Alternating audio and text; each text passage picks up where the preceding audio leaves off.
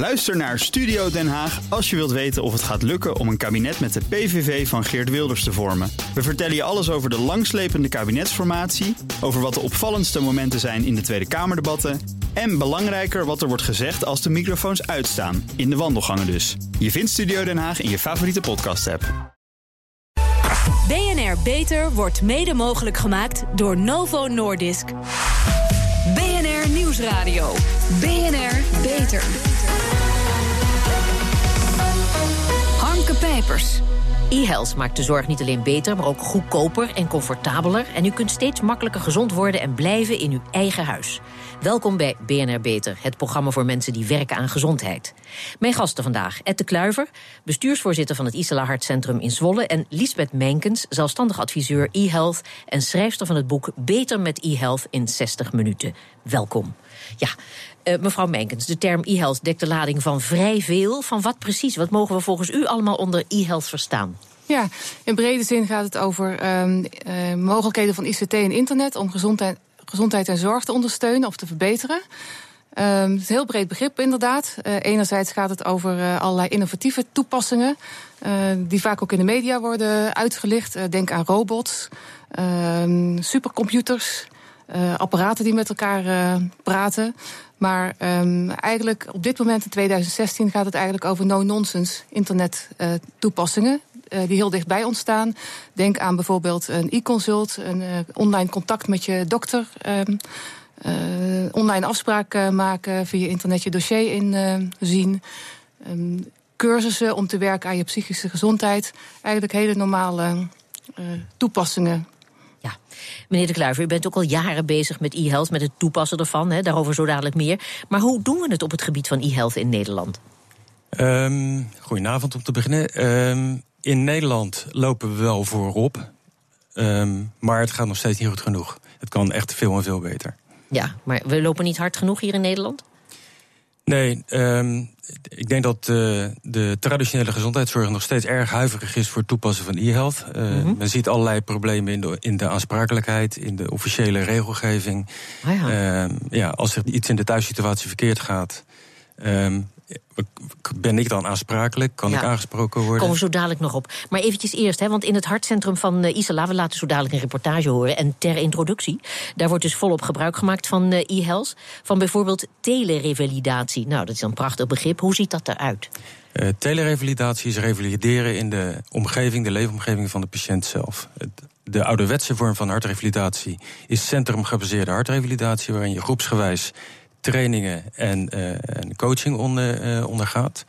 En de, bij telehartrevalidatie uh, kun je dat thuis doen op je eigen moment. S'avonds, s ochtends, wanneer je het beste uitkomt. Ja. Maar ook met de methode die je het best, best bij je past. Dus fietsen, fitness, hardlopen. en dat doe je met behulp van de smartphone. Mm -hmm. Je krijgt op voorhand een, een trainingsschema mee. Uh, wat, wat individueel is uh, uitgedokterd, ook letterlijk door uh, in ons geval een sportarts.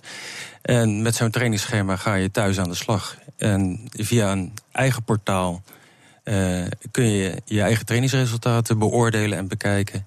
En dat overleg je met behulp van dat overleg je wekelijks met een hartrevalidatieverpleegkundige.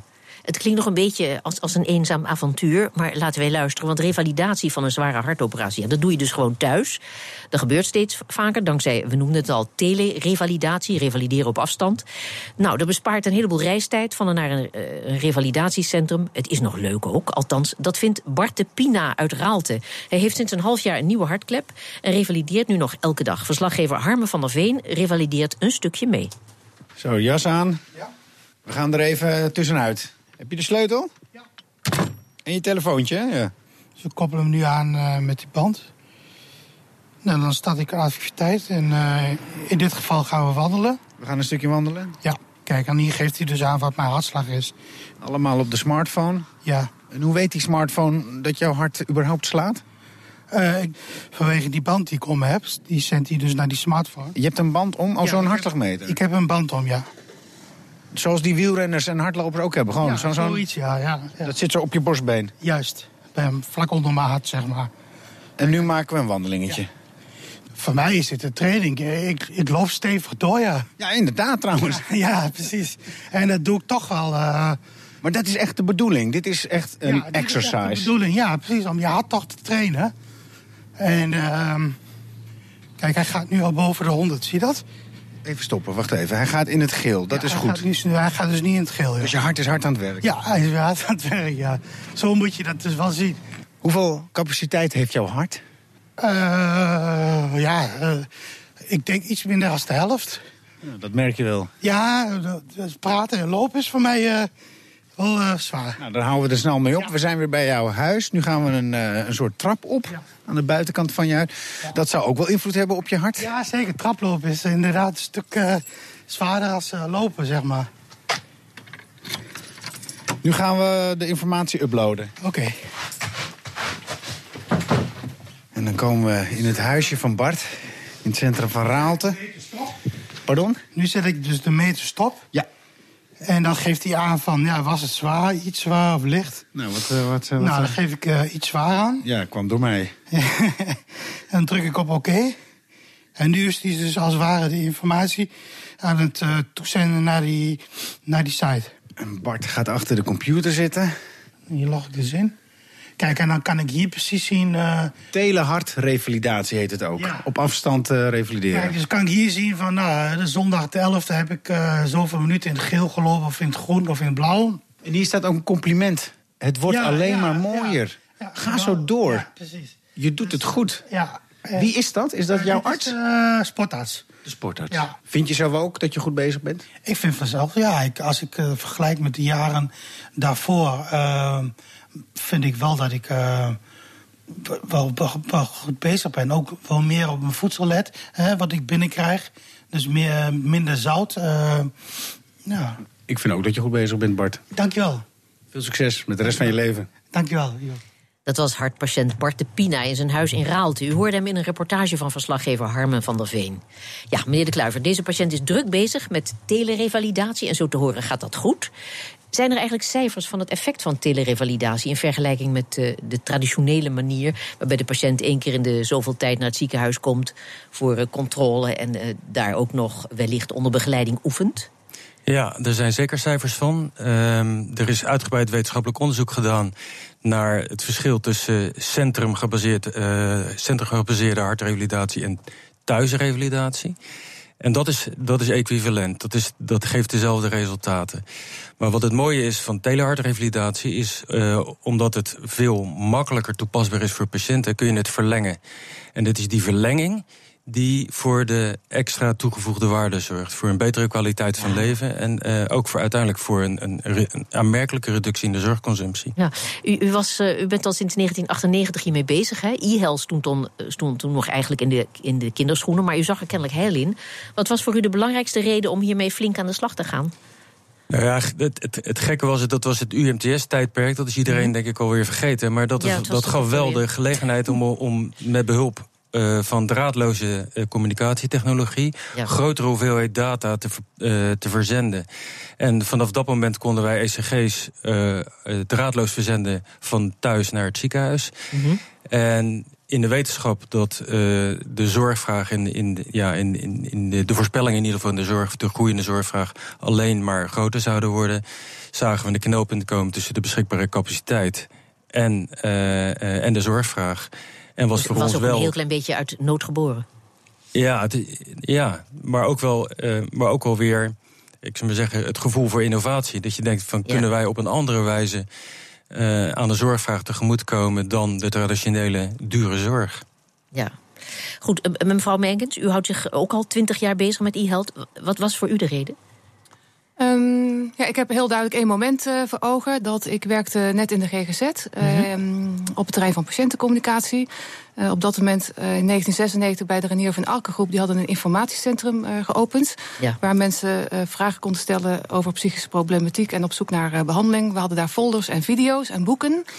En een collega nam mij, die vertelde op een gegeven van... mijn man heeft internet aangeschaft, je moet mee naar mijn huis komen. Ehm, het informatiecentrum was net een aantal, één maand eh, open. En eh, wij maakten kennis met internet en dachten... wow, één, dit gaat ons werk ingrijpend veranderen.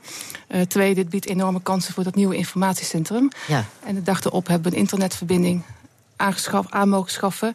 En kwamen patiënten en zorgverleners kijken naar de mogelijkheden. Dat was het begin. Maar goed, uh, uh, meneer Sluiver, met behulp van e-health kunnen mensen dus steeds vaker thuis worden opgenomen. Dat wil zeggen niet fysiek opgenomen, want ze liggen dan in hun eigen bed.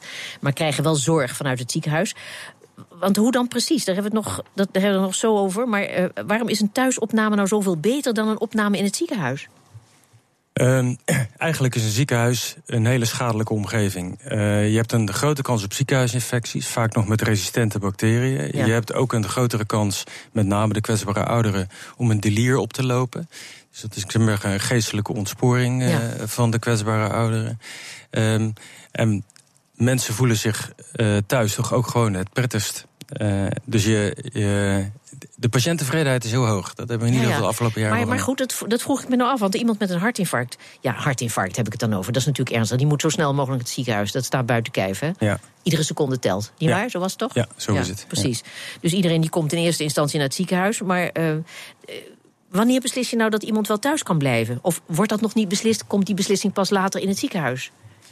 Nou, er zijn twee dingen. Je hebt de, de patiënten die uh, al bekende hartpatiënt zijn mm -hmm. en regelmatig worden opgenomen. En dat zijn kandidaten om thuis op te nemen. Ja. En het andere is de, dat is de spoedzorgvraag. En dat is met mensen die pijn op de borst, plotseling pijn op de borst hebben, waarvan het belangrijk is om snel te weten of dat een schadelijke vorm van pijn op de borst is, zeg maar het hartinfarct, of dat dat uh, niet het geval is. En daarvoor uh, hebben we een samenwerkingsverband met de ambulancedienst. Mm -hmm. En vanaf denk het eerste kwartaal volgend jaar kunnen we die keuze thuis al maken. En dat heeft te maken. Ah ja, dat gebeurt nu nog niet. Maar volgend nou, jaar. Nou, dat gebeurt wel. nu alleen in onderzoeksverband. Okay. Ja. Maar van de volgend jaar kunnen we dat structureel gaan inzetten. En ja. dan zitten er mensen op de ambulance die een hartfilmpje maken en die dat doorsturen. Hoe zit dat? Uh, dat kan, ja. De, ja. de hartfilmpjes door, de ambulance, door het ambulancepersoneel gemaakt... kunnen sowieso doorgestuurd worden mm -hmm. uh, naar het ziekenhuis. Die kunnen daar ook al beoordeeld worden. Maar wat, ze, wat nieuw is, is dat ze nu ook laboratoriumapparatuur uh, in de ambulance hebben... waarmee ze al meteen kunnen zien of er sprake is van schade aan de hartspier of niet. En dat in combinatie met de vragen die je stelt... kom je tot een score die... die aangeeft of er een kleine kans is of een grote kans is dat er echt iets met je hart aan de hand is. Ja. En in het, in het geval dat er een kleine kans is, is dus verantwoord gebleken dat je mensen thuis kunt laten. Ja, maar um, hoe werkt dat in de praktijk? Want uh, ja, iets aan je hart, dat is niet niets. Het, het, maakt je onzeker. En ik zou me kunnen voorstellen dat mensen toch erg verlangen naar de veiligheid van een ziekenhuis. Ook maar relatief, begrijp ik, maar goed. En een cardioloog aan hun bed. Leggen mensen zich hier letterlijk bij neer? Hoe gaat dat? Nou, de, ja, die leggen zich hierbij. Nou ja, het is, het is meer dan neerleggen. De, uh, zeker de patiënten die uh, een chronische hartaandoening hebben, zoals, zoals hartfalen. Voor hen is het elke keer toch wel een enorm gedoe om weer opgenomen te worden. Of die, ja. die, die tocht naar het ziekenhuis te maken. Want die conditie, hun conditie is toch wel ver beneden de maat. En dan is het voor hen eigenlijk alleen maar plezierig dat je, dat thuis, dat je thuis opgenomen kunt worden. Ja, maar er zullen toch genoeg mensen zijn die, zeg maar, medisch gezien wel in aanhuisopname. Maar die het doodeng vinden om thuis aan de hartbewaking te liggen. Of. Uh, en dat is op zich ook weer erg slecht voor je hart, denk ik. Ja, kijk, als je er bang voor bent, dan, dan ben je niet een kandidaat. Maar en de, de thuis, thuissituatie speelt natuurlijk ook een grote rol. Ja, ja als je voldoende zelf, uh, uh, zelfstandig thuis kunt functioneren... Mm -hmm. uh, als je voldoende social support hebt... dan, ja, dan dat zijn wel randvoorwaarden om dat op die manier te doen. Maar kijk, als je, als je erg afhankelijk bent, dan, ben je, dan, dan lukt dat thuis niet. Maar hoe zit het, u noemde dat al even aan het begin van dit gesprek, met de aansprakelijkheid? Hè? Als je als patiënt uh, eerder weg wilt uit een ziekenhuis, moet je allerlei documenten tekenen. Dat je tegen medisch advies vertrekt en dus zelf aansprakelijk bent voor als je wat overkomt. Hoe werkt dat bij een thuisopname waarbij je, ja, je wordt dan wel bewaakt, maar je bent toch iets minder te controleren? Ja, als je tegen het advies van een dokter het ziekenhuis verlaat, dan onttrek je je aan de behandeling. En ja. dat is, daar zie je helemaal geen sprake van. Je, want je bent thuis onder ziekenhuisbehandeling. Dus je valt eigenlijk onder het hele ziekenhuisregime. Alleen thuis. Oké. Okay. Wordt een ziekenhuis straks voornamelijk een ICT-organisatie? Daarover hoort u meer na de reclame. BNR Nieuwsradio. BNR Beter. Niet alleen de techniek verandert, ook de mens die ermee moet werken, de zorgprofessionals, die veranderen. Ja, dat is geraaien ook. Ze zullen wel moeten. Hoe zorg je dat je meegaat met de digitalisering in de zorg? Vraagt menigin zich af. Daarover praat ik verder met mijn gasten. Ed de Kluiver, bestuursvoorzitter van het Isela Hartcentrum. En Lisbeth Mijnkens, zelfstandig adviseur e-health en schrijfster van het boek Beter met e-health in 60 minuten.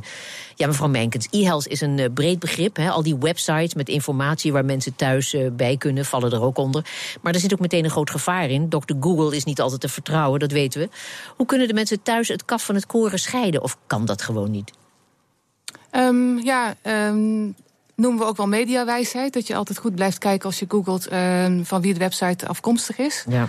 Uh, ik zou hem ook wel om willen draaien. Wat kunnen zorgaanbieders en zorgverleners daaraan uh, doen om vooral ook te zorgen? Want ze hebben heel veel goede, betrouwbare informatie op het internet staan. Ja. Maar ze zorgen niet altijd voor dat die goed vindbaar is.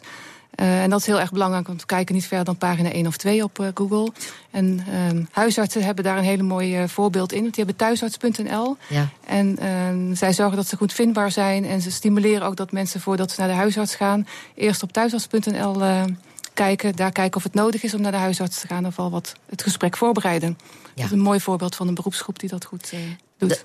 dat e-health, de, de zorg van hartcentra kan verbeteren, dat weten we nu. Um, zijn er nog andere takken van de zorg waar e-health zo langzamerhand ingang vindt? Nou, eigenlijk kun je zeggen dat e-health met het brede begrip eigenlijk voor elke tak van de gezondheidszorg relevant uh, is. En elke sector of elke tak ook wel zijn eigen ontwikkeling uh, kent. Maar denk bijvoorbeeld aan online contact kunnen leggen, e-consult, uh, online afspraak maken, online toegang tot je eigen gegevens, je dossier. Daarvan kun je zeggen dat dat voor elke uh, tak van sport in zorg, om het zo te noemen, relevant is. Ja. En geen verschil maakt. Uh. En, en heeft het zorgpersoneel wel de juiste kennis in huis? En is er voldoende aandacht voor in de opleiding van de zorgprofessionals? Um, dat is heel wisselend. Wat je ziet is dat er een uh, voorhoede is die heel erg goed veel kennis heeft aangesloten is, ook veel bij pilots en projecten betrokken is. Maar op dit moment staan we voor de vraag hoe krijgen we het ingebed, hoe krijgen we de grote groep uh, zover dat ze ook op een eigen tijdsmanier gaan werken. En dan zie je dat er een grote groep is die eigenlijk nog heel weinig kennis heeft over uh, e-health, wat het begrip is, maar vooral ook over de mogelijkheden. Koudwatervrees heeft. Uh, ja. En wat mij altijd op, enerzijds opvalt ook dat veel jonge mensen weinig kennis hebben, komen net van de opleiding af en zijn er niet mee opgeleid. Ja. En wat ik ook merk is dat ze vaak afgeleid worden door uh, allerlei verwarrende verhalen ook over allerlei technologische ontwikkelingen. En het goede nieuws is, wat ik ook altijd merk, is als je ze rustig uitlegt wat de basisontwikkelingen zijn, dan snappen ze steeds beter waar het over gaat. Dat was vijf jaar geleden anders. Uh, dat is ook een van de redenen om het boek te schrijven. Ja. Om op een no-nonsense manier uh, uitleg uh, uh, meneer, de Kluiver, met behulp van e-health zullen mensen dus steeds langer en vaker uh, thuis kunnen blijven. Maar wat betekent dat voor de artsen? Gaan die uh, steeds meer rondrijden? Of, of zitten ze steeds meer in het ziekenhuis naar een schermpje te kijken? Nou, er zal altijd een warme, uh, een, een warm contact en warme hand nodig zijn. Dus het, is, het, zal, het zal en-en zijn. Tradition, het is de traditionele zorg in combinatie met, uh, met zorg thuis. Maar ik denk dat mensen steeds meer in staat zijn om een deel van hun vragen uh, zelf opgelost te krijgen. En ook in, in het kader van hun behandeling en natrajecten, ook steeds, en ook bij chronische ziekten, ook steeds meer in staat zijn om, om daar zelf de regie te gaan voeren. Ja. En de rol van de dokter gaat zeker veranderen. Mm en zal veel meer van, een, uh, ja, van, van wat voorheen een kennisbron was, uh, verschuiven naar een, coachend, een coachende dokter. Ja. Maar goed, ehm, ik heb al begrepen dat niet elke zorgprofessional hierom staat te springen. Hè? Koudwatervrees, dat woord viel al.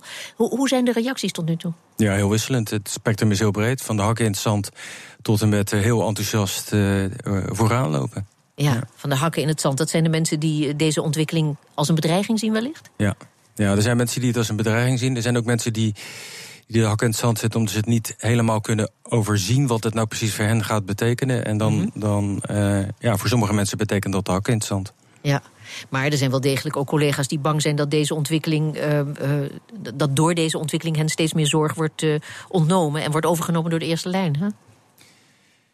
Ja, voor sommige mensen uh, die zien, de, die zien de bedreiging in het feit dat hun, hun manier van werken totaal gaat veranderen. En ook daar geldt dan weer voor. kun je overzien wat, er, wat je te wachten staat, dan zul je het als een, op een positieve manier als een uitdaging zien. En kun je het niet goed overzien, dan zul je het als een bedreiging ervaren. Ja, maar er gaan ontkomen doe je niet. Duurt nog wel even, maar. Nee, dit, dit, dit, is echt wel een kantelpunt uh, in de zorg. De, die technologie is nu zo, zo ver uitontwikkeld en volwassen aan het worden. Ja, daar kun je gewoon niet aan ontkomen. Ja. Je zult ermee moeten gaan leren er gaan ook steeds meer stemmen op die zeggen van ja, dat ziekenhuis dat wordt straks een locatie. Daar komt de patiënt eh, eh, af en toe na, eh, naartoe. Maar voor het merendeel zal de arts de patiënt gaan opzoeken. Ja. En eh, dat betekent ook dat al die ziekenhuizen die nog niet zo lang geleden hebben bijgebouwd, die zitten straks met al dat vastgoed, want niet meer nodig. Nou, dat is een ontwikkeling die al plaatsvindt. Eh, Ja. Als je kijkt naar de, de. In de afgelopen jaren is de, is de klinische capaciteit aanmerkelijk gereduceerd. Heel veel ziekenhuizen die fuseren. Dus het eerste wat ze doen is, is, eh, is een klinische capaciteit naar beneden toe bijstellen.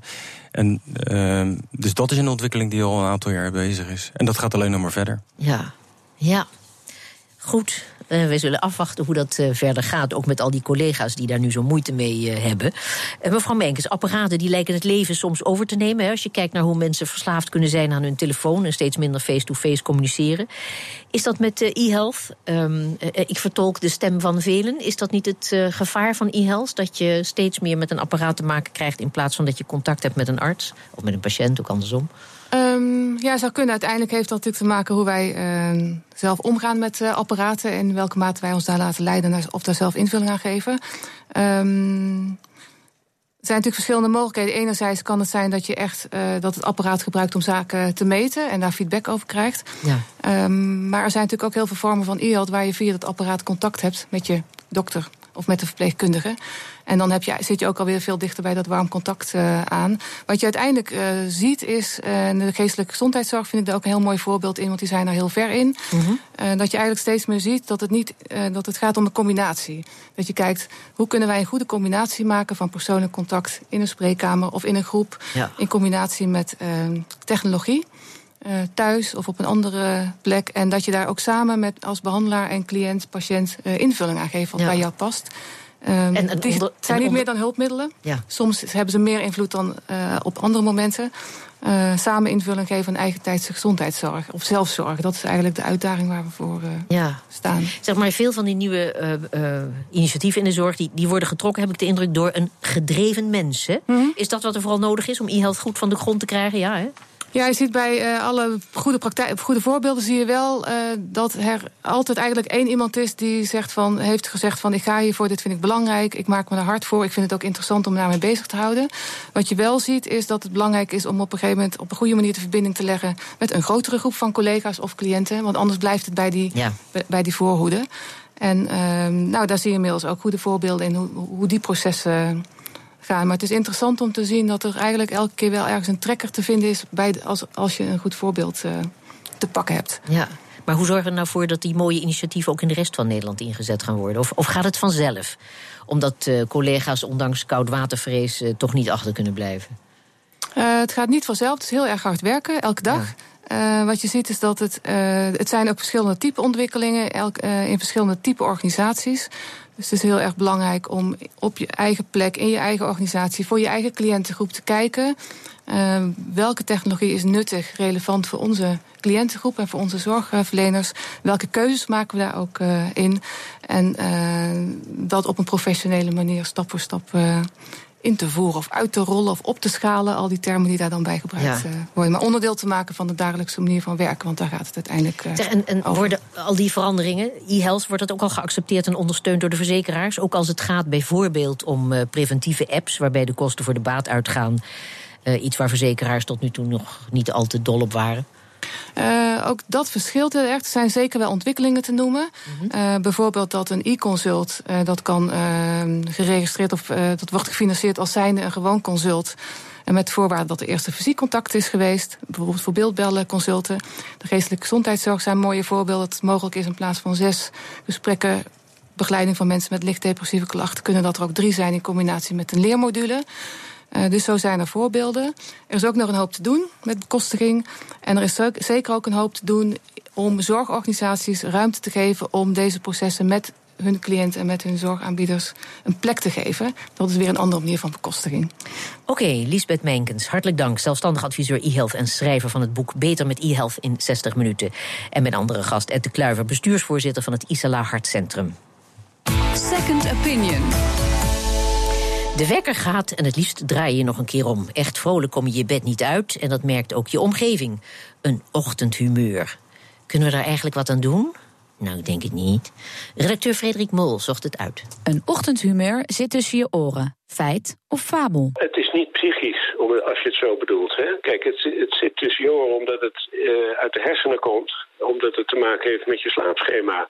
Maar het is niet psychologisch bepaald. Hans Hamburger, neuroloog en voorzitter van de Nederlandse Vereniging voor Slaap- en Waakonderzoek. Je hebt ochtend- en avondmensen. Uh, ochtendmensen die zijn uh, vroeg op, zullen we zeggen. Extreem ochtendmensen die worden vijf, zes uur wakker. Zijn extreem fit. Gaan aan de slag. Zijn het eerst op kantoor en die regelen alles. Dat zijn de typische managers die vroeg op zijn. Maar die moet je s'avonds niet vragen om te komen eten. Want die uh, zijn dan s'avonds bek af en die gaan vroeg naar bed.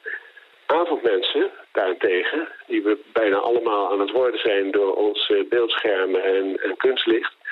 Dat zijn dus mensen die laat gaan slapen. Die hebben s morgens als de wekker gaat tekort geslapen en zijn dan niet lekker fit. Dus je bent of ochtendmens of avondmens? 3% van de mensen, 3, 2, 3% van de mensen is uh, typisch ochtendpersoon. En wij denken erfelijk gezien uh, dat 3, 4 procent van de mensen avondmensen zijn.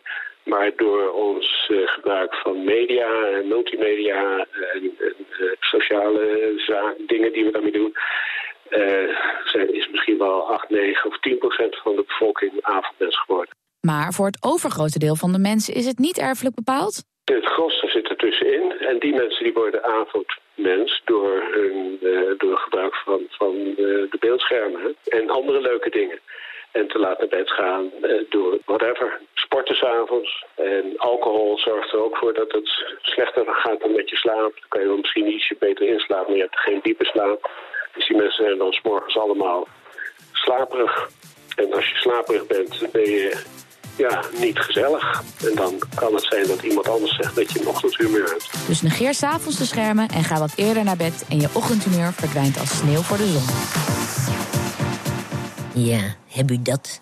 Tot zover deze uitzending van BNR Beter. Op bnr.nl slash beter is deze uitzending terug te luisteren. En we zijn ook op Twitter te vinden onder BNR Lifestyle. Dus heeft u tips voor ons? Laat het ons weten. Ik ben Harmke Pijpers. Tot een volgend spreekuur. BNR Beter wordt mede mogelijk gemaakt door Novo Nordisk. Ook Diana Matroos vind je in de BNR-app. Ja, inderdaad. Je kunt live naar mij luisteren tijdens de Big Five. Ook handig in de BNR-app. Breaking nieuwsmeldingen, maar ook het allerlaatste zakelijke nieuws. En je vindt in de app alle BNR-podcasts, waaronder Wetenschap Vandaag. Download nu de gratis BNR-app en blijf scherp.